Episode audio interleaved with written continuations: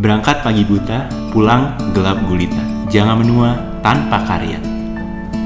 Assalamualaikum warahmatullahi wabarakatuh. Alhamdulillah, podcast Notes from Cibitung episode kelima. Episode kelima ini tuh berisi tentang galau. Masih lanjutan dari episode 4 kemarin. Galau yang seperti apa? Kalau mau tahu lebih jelas ceritanya, dengerin episode 4 kemarin buat yang belum dengerin. Tapi yang udah dengerin episode 4, kalian udah gak, tentu nggak udah nggak sabar kan nungguin kelanjutannya. Oke, langsung aja. Selamat mendengarkan lanjutan episode keempat. Galau bagian 2. Panjang banget obrolan kita hari ini ya mas. Aduh, oke. Kalau Mas Soha sendiri, kendalanya sejauh ini tuh di apa sih Mas? Maksudnya ya dari kan Mas Soha pasti punya kayak perdebatan di dalam diri sendiri. Di, har, Mas Soha tuh pengen ngapain, pengen bikin apa gitu kan. Tapi kan pasti gak semua yang terrealisasi toh. Kok Mas Soha pengennya ngapain sih? Terus kendalanya di apa? Ya tadi saya bilang bahwa memang saya punya gagasan-gagasan terhadap hidup. Entah Hmm. itu buat saya maupun untuk orang lain gitu ya. Yang masih terkendala saat ini sih sebetulnya bagi saya pribadi adalah eh, merealisasikannya. Hmm. Nah, merealisasikannya ini tuh yang bikin terkendala tuh saya juga masih mencari-cari sih. Apakah emang se nggak punya waktu itu saya atau sebetulnya setidak menyempatkan waktu gitu. Hmm. Jadi kalau mau menyempatkan mah ada harusnya sih bisa gitu. Walaupun saya nggak tahu nih ukurannya kayak gimana ya. Ya gini aja bayangin misal saya ternyata pagi-pagi sebetulnya udah sibuk dengan eh, persiapan mau berangkat kerja gitu ya. Apalagi saya memang berangkat dari Depok gitu kan. Hmm. Sebelum sebenarnya sekarang rutinitas saya setiap pagi itu adalah bangun tidur nu- bangun tidur saya mah nggak usah diceritain ya. Tapi nunggu bangun tidur anak habis anak bangun tidur tuh saya pasti akan jalan-jalan ke UI dulu. Akan nyempetin. Sekitar minimal minimal banget adalah setengah jam. Tapi real realnya biasanya suka ya lebih lebih dikit gitu. Nggak lama abis itu saya mandi dan langsung berangkat. Nyampe sini dan pulang dari kantor eh, paling cep paling cepet aja ya jam segitulah intinya. Saya nggak perlu diceritain juga. Intinya saya penuhin eh, kewajiban eh, di sini. Terus paling cepat sampai rumah aja macam-macam sih. Paling cepat bisa sampai jam, jam 6 lah. Setengah 6 pas PSBB tuh setengah 6 enak banget. Tapi sekarang eh, Jadi lebih enak PSBB. milih kondisi transportasi itu pas PSBB.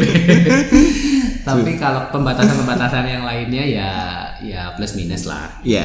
Nah, terus misalnya paling cepat aja jam 6 gitu ya. Kalau anak-anak belum tidur, saya masih pengennya ya sama mereka karena memang waktu saya tuh bentar banget sama mereka. Akhirnya ya saya jalanin sama anak-anak. Terus selesai sama anak-anak ya sama ibunya dong, gitu ngobrol. Entah itu makan keluar, kalau kita memang nggak ada makanan di rumah gitu ya. Itu paling baru bener-bener free itu jam 9 malam gitu. Hmm. Nah jam 9 malam dengan kondisi yang eh, bisa dibilang kan sisa-sisa ini ya sisa-sisa waktu, sisa-sisa energi. Mau maksain saya ngerjain sesuatu tuh jujur itu masih belum gampang, belum gampang.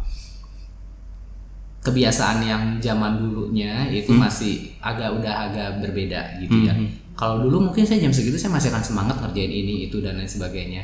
Sekarang jam segitu udah relatif lebih lebih capek. Akhirnya yang pengen dilakukan apa? Yang pengen dilakukan adalah pengen eh ya melakukan satu hal yang lebih rileks gitu. Mhm. Dan rileks itu tuh bisa didapat dari mana? Dari gadget. Iya. yang paling gampang ya, Instagram yang paling gampang scroll scroll Insta- Instagram gitu. Walaupun belakangan ini saya mulai lagi eh, baca buku gitu ya daripada sering-sering Instagram, mungkin saya mendingan eh, baca buku gitu.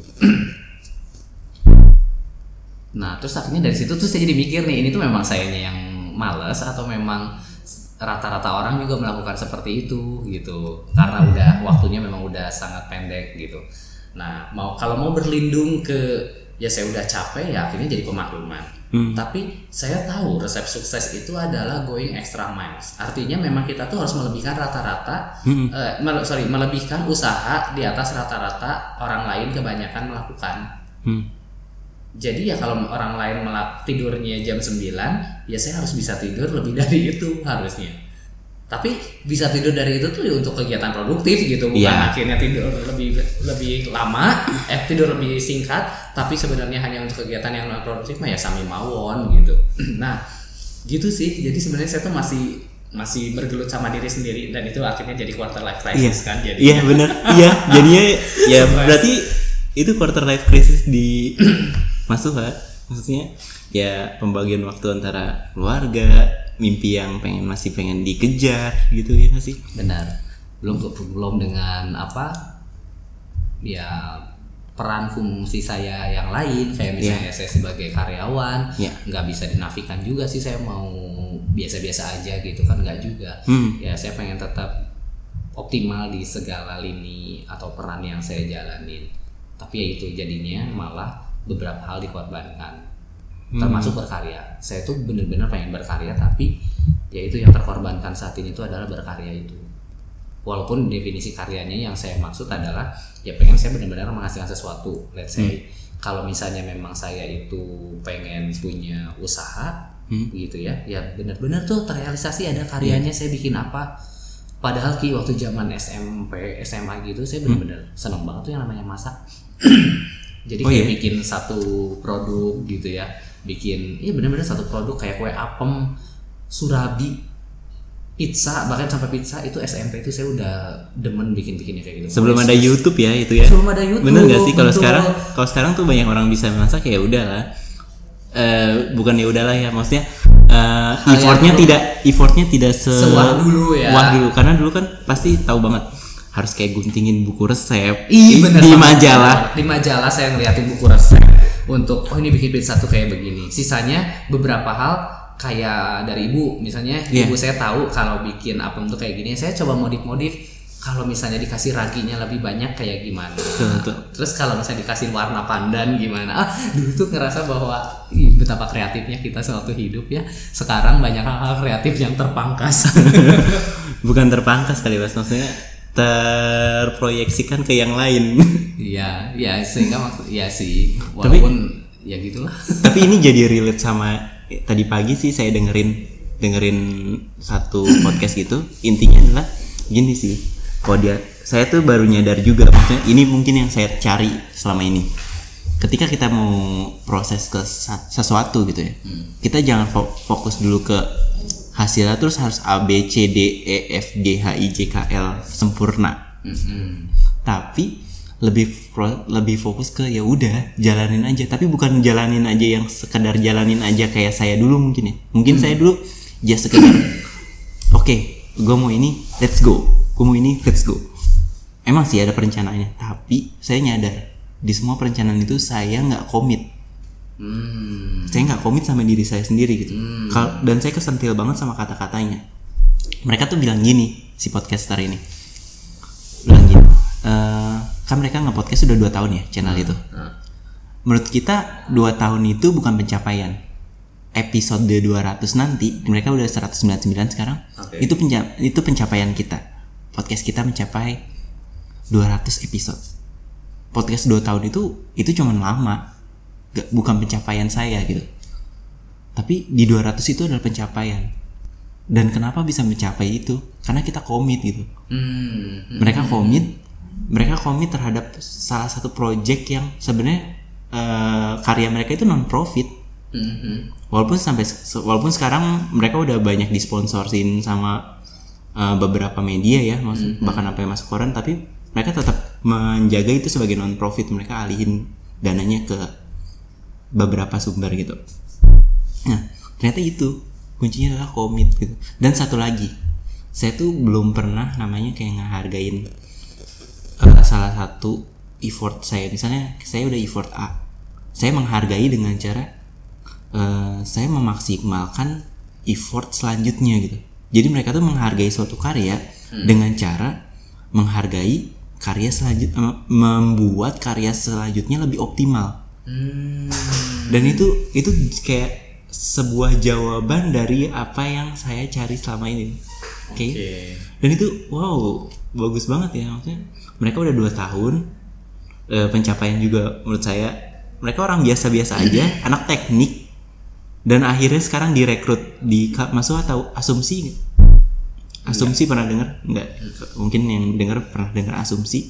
Asumsi itu salah satu media media elektronik uh, di YouTube gitu dia membahas banyak tentang sosial politik ekonomi gitu-gitu. Dan si anak teknik ini sekarang jadi dir, direk direktur apa? Si dirut ini. Eh produser kepala produser pembuatan media si asumsi. Asumsi itu. Berbekal dengan dia komit terhadap si podcast itu. Mereka me- menganggap si podcast dan karya itu sebagai salah satu CV mereka gitu. oh I see I see. Jadi mereka benar-benar menghargai itu dan benar-benar kayak mereka tahu mau ke mana banyak orang yang tahu mau ke mana tapi nggak banyak orang yang komit dengan mereka mau ke mana. Kayak mereka banyak kayak kita tuh banyak melakukan pemakluman. Iya, kayak iya, iya nggak sih? Iya. maksudnya eh, minggu kayak ming- contohnya minggu kemarin kita kita aduh kita ya udahlah kita maklum kita kita sibuk gitu. Padahal padahal sebenarnya bisa aja kita effort di minggu sebelumnya. Oh minggu depan tuh kita udah tahu kita bakal sibuk. Iya. kita rekaman dua episode. Iya. Seperti itu kayak gitu. betul. itu dan mereka tuh punya komitmen. Saya nggak pernah ngelihat satu kali pun mereka tuh ngejanjiin seminggu dua episode kan? Ya. Satu kali pun mereka nggak pernah nggak tayang oh. Bos eh, maksudnya eh, kan dia mereka sekarang menjadi salah satu anakan dari si media asumsi itu ya. Nah, nah. box to box namanya. Box to boxnya sebagai eh, yang ngegaji mereka katakanlah. Itu mereka komit katanya seminggu sekali. Selama ada Premier League. Kan ini kebetulan ngebahasnya bola ya. Hmm, hmm. selama ada liga berjalan. Tapi kenyataannya mereka lebih nggak komit dibanding siang di bawah ini dan saya salut banget sih sama mereka itu. Mereka benar-benar tahu mau ke mana dan mereka komit dengan tujuan mereka itu nggak banyak gitu loh orang yang benar-benar banyak. Maksudnya orang yang mau tahu saya tuh harus gini saya tuh harus gini. Ngadepin quarter life crisis tuh harus kayak gini. Iya. tapi nggak banyak orang yang komit dengan gininya mereka sendiri. Mereka lebih banyak memaklumi gitu. Ih, itu benar luar biasa sih. Itu benar banget. Itu itu pencapaian sih menurut saya Dan- orang yang bisa kayak begitu. makanya mereka bilang dua tahun itu bukan pencapaian. Episode 200 itu pencapaian. Ih, luar biasa sih. Maksudnya padahal dari segi bahasa mohon maaf mereka maksudnya formal formal banget itu bahasanya sumpah ya ya udah bahasa pergaulan anak Jakarta zaman sekarang kayak gimana lah. Tapi mereka berhasil influence orang buat kayak banyak orang bikin podcast gara-gara mereka kayak gitu. Dan mereka ketika ditanya ketika mereka ngisi-ngisi seminar bang kok bisa sih anak teknik kerja di industri kreatif? Ya udah ini ini CV kita gitu kita menjadikan sebuah karya ini sebagai salah satu CV kan namanya lu bikin CV lu harus fokus dan lu harus komit dengan CV lu. Lu pengen CV lu bagus kan? Berarti lu harus komit dengan CV lu gitu. Wih gila. Itu suatu jawaban yang simpel tapi susah dilakuin. Dan saya sadar saya nggak belum punya itu. Iya iya iya. Jadi- Komitmen tuh emang penting banget. Ini kayak suatu saat kita perlu sih ngebahas tentang spesial lah ya tentang komitmen. Ah ya Seberapa komit kita terhadap apa yang kita eh, inginkan gitu. hmm. Karena kita tuh kadang pengen sesuatu maunya banyak tapi komitmen untuk ngejalanin itu merealisasikan itu itunya yang masih suka PR. Penyebabnya apa? Betul pemakluman iya apa apa pengennya dimaklumin aduh udah udah nggak apa-apa manja sih ujungnya biasanya tuh kita lebih komit sama orang lain mas misal nih saya punya janji sama Mas Suha. Itu saya akan lebih menghargai dibanding saya punya janji dengan diri saya sendiri. iya benar-benar. Karena ada rasa nggak enaknya ya kalau sama Betul. orang lain ya. Padahal harusnya kita lebih gak enak sama diri kita sendiri. Karena kalau misalnya kita ngelanggar sama diri kita sendiri tuh yang rugi kita gitu. Iya benar. Kalau ya ngelanggar sama orang lain ya udah. pada amat lah ya. Nggak nggak nggak gitu juga. nggak gitu juga. Kesimpulannya gitu deh. Nggak nggak gitu. Kalau kita ngelanggar di- sama diri kita sendiri berarti kan ya kita sama diri kita aja bisa ngelanggar apalagi yang orang lain. Iya betul. Betul sih. Aduh, ini benar-benar tamparan Mind blowing itu. Hari ini, eh, Ki, ini thank you banget sih kamu me- membuat saya harus mengambil action sih kayaknya ya. itu mind blowing banget. Saya juga baru sadar gitu maksudnya saya dengerin di jalan itu ya dari kebetulan durasinya tuh pas banget emang sa- perjalanan saya ke kantor itu 40 menitan. Hmm. terus saya dengerin di ujungnya mereka ngomong gitu. Kita tuh ada kita tuh nggak peduli ya. Dua tahun itu bukan pencapaian. Dua tahun tuh bukan pencapaian. 200 itu pencapaian.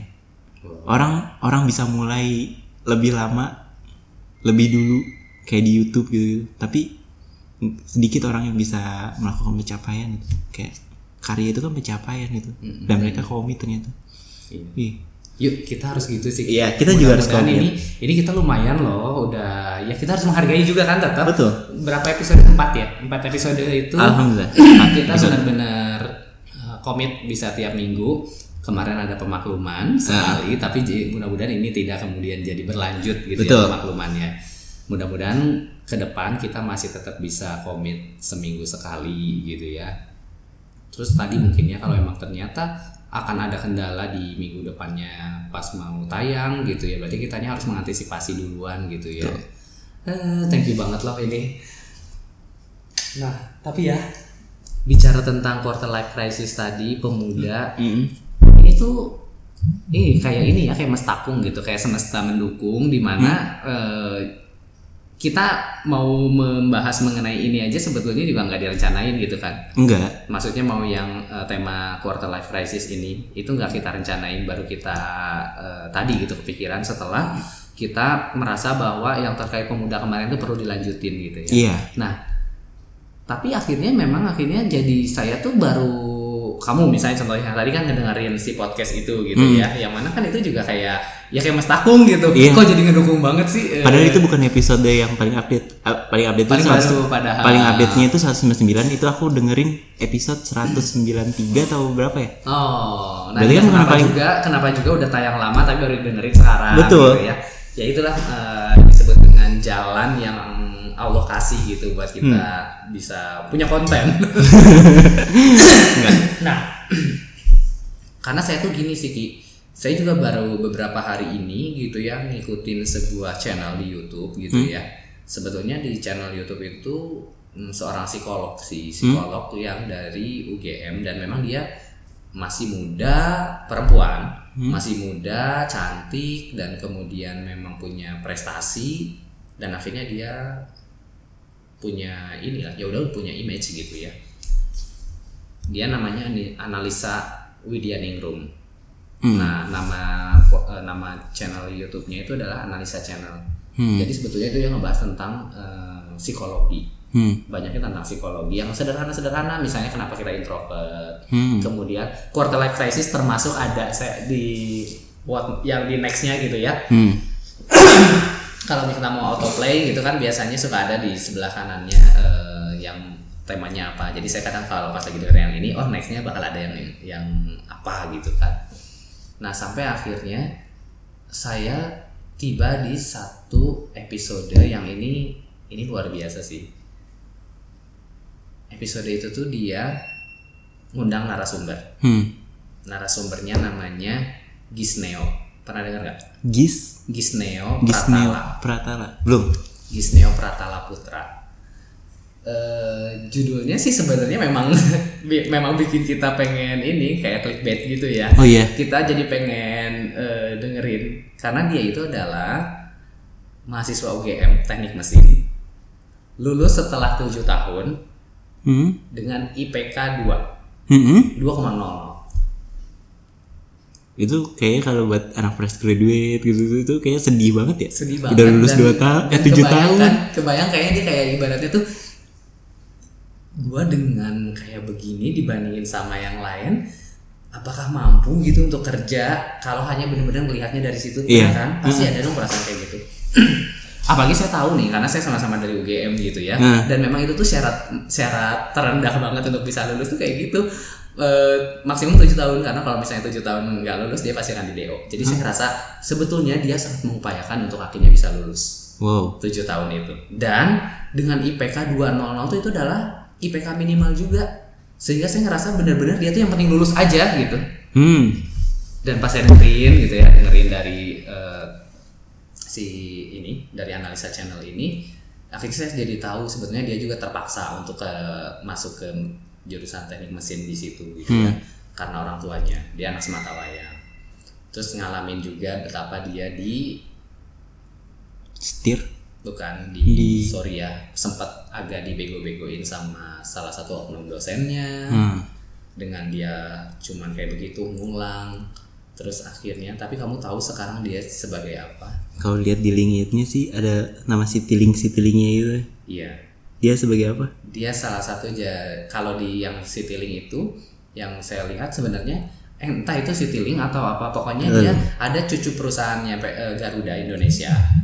Namanya UX tahu designer. beres namanya tahu beres gitu ya. Nah dia salah satu dia jadi direktur teknologinya di situ.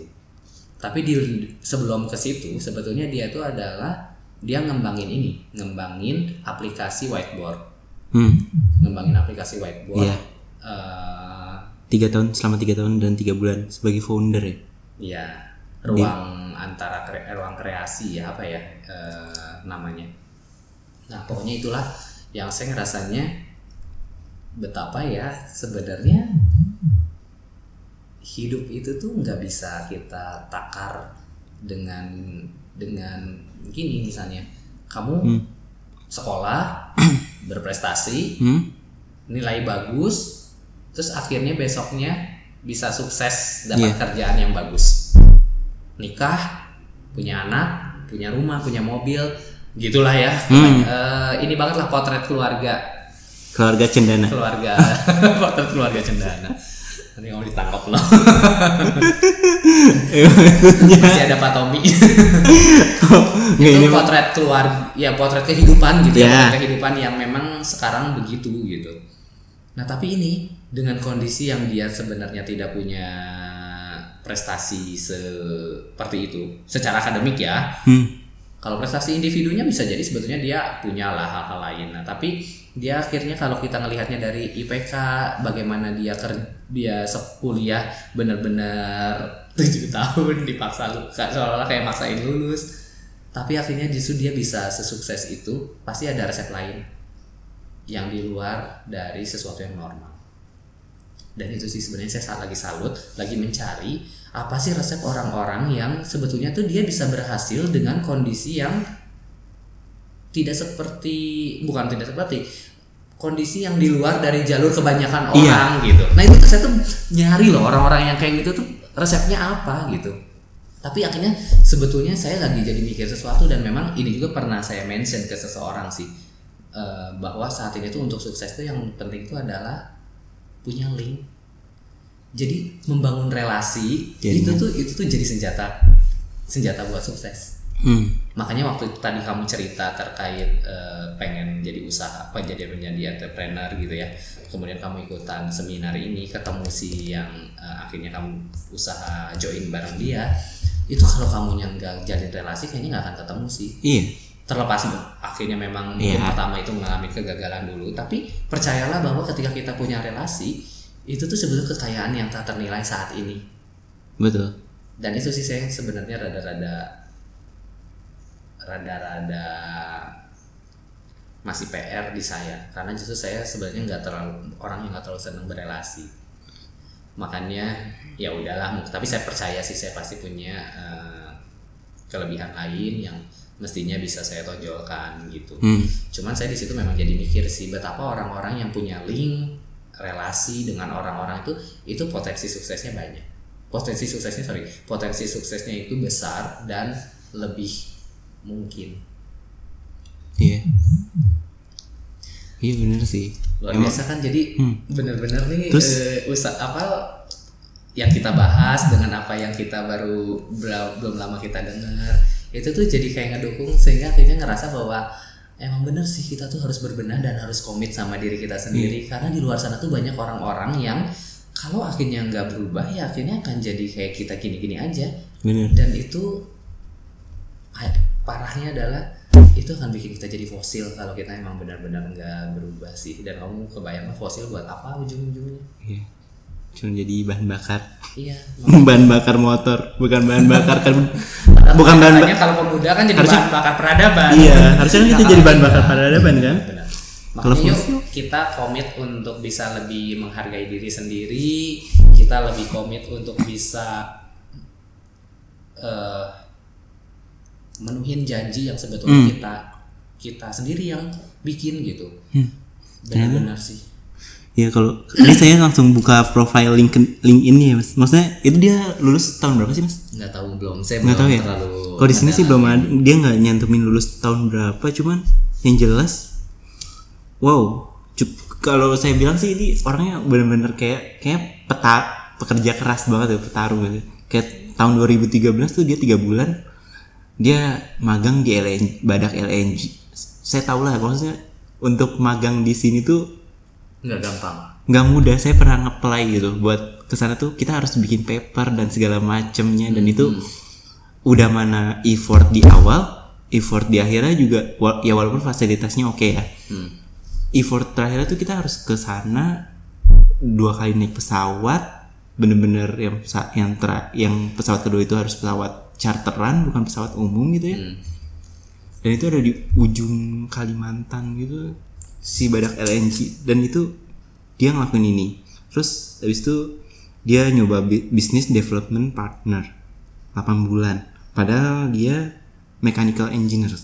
Terus oh habis itu jadi general manager Bima Sakti FSAE Universitas Gajah Mada. Itu apa? Iya, itu, itu apa tim apa gitu, tim tim kebetulan ada mobil gitu deh kalau nggak salah. kebetulan ada Ah, Kamu jangan tanya dong, ntar, saya malah jadi nggak tahu yang benar. Tapi udah lah nggak usah bahas Iya, detail iya, gitu tapi- ya, nggak usah berarti- bahas detail, biarkan itu jadi sebuah Iya. inspirasi. Cuma akhirnya dari situ tuh saya mikir gitu ya, betapa tadi saya kalau bisa dibilang dibandingin secara prestasi Betul. akademiknya, saya tuh jauh gitu dari dia. Saya bisa kerja, eh bisa kuliah dengan 4 tahun. Betul. Saya IPK juga laude. di atas tiga gitu ya, kemelut. Eh, IPK juga saya di atas tiga gitu. Tapi akhirnya saya Sering jadi lomba seperti juga. sekarang. Saya akhirnya jadi seperti yang sekarang. Sedangkan dia punya jalan sendiri juga. Nah, saya tuh pasti yakin terlepas dari bahwa betul eh, rizki itu sudah Allah atur gitu ya. Tapi kan tentu ada ranah ikhtiar. Nah, ranah ikhtiar inilah yang saya tuh pengen nyari apakah saya kurang ikhtiar ataukah dia justru lebih berikhtiar yang memang saya nggak tahu ikhtiarnya dia kayak gimana. Cuman akhirnya dengan eh, ngedengerin tadi gitu ya di analisa channelnya itu, kemudian saya jadi mikir gitu, hmm hebat sih bisa kayak gini dan akhirnya saya mikir bahwa kayaknya memang ada sih resep-resep tertentu yang sebetulnya harus dimiliki setiap orang. Tapi kalau saat ini kitanya nggak punya resep apa pun, malah yang ada tadi cuma scrolling Instagram, rebahan, sare, itu bagi saya tuh nggak akan mengubah hidup saya sih. Mau saya se sepunya gagasan, se wow apa pun, kalau akhirnya cuman begitu, buat apa? Dan saya malu sih. saya apa lagi mas? Maksudnya ya udah gitu. Ya kayak ya selalu kayak saya tuh selalu mencanangkan saya tuh harus kerja keras gini gini gini. Ternyata ya itu. Yang paling penting tuh itu sih yang tadi kita bilang komit. Itu Iya, wow banget simple tapi itu sulit gitu komitmen dengan diri sendiri itu sulit Jangan bilang sulit. sih. eh enggak maksudnya belum pernah saya lakukan dengan konsisten Iya iya. dan mulai saat ini kita harus Lebih lebih komit komitmen lagi. dengan diri sendiri. Ya, ya, ya itulah eh, obrolan kita lumayan ya bergizi nggak? Lumayan bergizi sih, maksudnya ini emang isinya cuma cerita saya sama Mas Sohadi. iya iya iya. Tapi ini saya yakin kalau ada teman-teman yang dengerin juga, maksudnya ad- pasti sebagian kecil menjawab. Kekhawatiran Iya. ataupun eh, quarter life crisisnya masing-masing gitu Iya, ya. iya, iya. Jadi saya sebenarnya dari sini tuh saya jadi mikir sih Ki, betapa sesederhana bahwa kita merendahkan diri bu misalnya aduh nggak belum punya karya ya saya tuh justru berharap podcast ini tuh bisa jadi karya sih gitu. Di saat orang lain memang tidak punya kelapangan waktu untuk bukan eh, untuk mengupayakan bikin eh, karya gitu ya misalnya atau memang punya keterbatasan tertentu saya sekarang jadi berpikir saya harus menghargai diri saya sendiri saya harus menghargai upaya kita bareng-bareng di sini bahwa kita punya podcast ini juga adalah sebuah bentuk karya yang kita pengen eh, orang lain yang dengar mudah-mudahan dapat inspirasi. Karena kayak tadi deh misalnya sesederhana bahwa ya kebetulan saya yang memang ngedengerin si podcastannya si eh, analisa channel tadi yang ada narasumber Gisneo. Tapi bisa jadi kan akhirnya kamu jadi searching dan kemudian akhirnya kamu lihatin dia dan jadi terinspirasi. Padahal awalnya hanya dari saya. Nah mudah-mudahan dari podcast ini tuh bisa menyebar gitu loh kebaikan-kebaikan. Oh ada informasi ini terus akhirnya orang jadi penasaran. Tapi ya kalau misalnya memang belum seperti itu pun ya nggak masalah karena bagi saya pribadi juga tidak kemudian ini bisa diterima sama semua orang. Tapi orang-orang yang justru tidak sengaja nemuin ini melalui cara apa pun gitu ya mudah-mudahan akhirnya jadi ngedapetin bahwa ya inilah seminimal minimalnya karya yang saat ini saya dan Rizky bisa upayakan gitu. Dan harus kita hargain gitu ya karena kalau kita ternyata nggak ngehargain eh, eh kalau kita aja nggak ngehargain gimana, Gimana orang lain mau menghargai? gitu Betul. ya dan yang lebih penting lagi adalah kita mudah-mudahan bisa komitmen bikin podcast ini bisa tayang sesuai dengan komitmen kita di Iya. awal ya seminggu sekali Amin. jadi lebih berenergi nih hidup iya bener ya. Padahal ya mungkin kalau yang podcast yang Mas Wah denger itu emang emang tujuannya kayak inspiring gitu. Kalau yang saya dengerin tuh itu mereka tujuannya inspiring sih dengan bahasa yang tidak lazim untuk menginspiring orang gitu. Tapi Ya, beda-beda eh, tapi itu intinya berarti setiap manusia tuh yang kayak waktu itu Mas Wah bilang ilmu. Hmm. Iya nggak sih? Setiap manusia tuh ilmu. menurut Iya. saya ya. Iya. Jadi makanya saya juga saat ini dengan nemuin analisa Widya Ningrum, dengan nemuin Disneo, nemuin kesannya emang nemuin. Tapi maksudnya dari situ akhirnya saya jadi belajar. Makanya saya tuh senang sama ini Ki. Ada satu hadis ya yang mengatakan bahwa kalau kita bergaul dengan eh, penjual parfum, maka kita akan kecipratan wanginya. Kalau kita memang bergaul dengan pandai besi, kita juga akan kecium bau besinya. Nah, konteksnya dalam hal sekarang di mana ada sosial media, pada dasarnya saya jadi berpikir sih, oh berarti kalau kita mau milih eh, tontonan apa, kita mau berteman sama siapa di sosial media yang kita punya, platformnya apa pun gitu ya, itu kita tinggal pilih orang-orang yang punya akan punya pengaruh seperti minyak wangi gitu. Hmm. Tapi kalau kita memang akhirnya yang di follow juga adalah yang nggak jelas, yang akhirnya punya pengaruh negatif ya itu ibaratnya kayak tadi kita bergaul sama pandai besi, maka akan ke kecipratan bau besinya itu. Dan saya sih sekarang lagi mencoba mencari sebanyak-banyaknya orang-orang yang bisa menginspirasi. Walaupun nggak hanya berhenti di inspirasi, harusnya sih dengan kayak gitu akhirnya saya bisa berbuat sesuatu yang lebih dan akhirnya justru suatu saat orang yang mampir ke jasa kita yang akhirnya terinspirasi. Amin. Amin. Itu sih do- eh, itu sih doa saya dan semoga emang bisa lah. Ya, Hmm. Kalau nggak diginiin ya nggak ini ya nggak apa ya jadi nggak bergairah gitu. Iya. Lebih bergairah gak sih? Iya kan? Iya. Banget banget banget. Oke, hmm, kita rasa podcast kali ini cukup. Eh, saya Rizky pamit. Dan saya Suhadi juga pamit. Wassalamualaikum warahmatullahi wabarakatuh.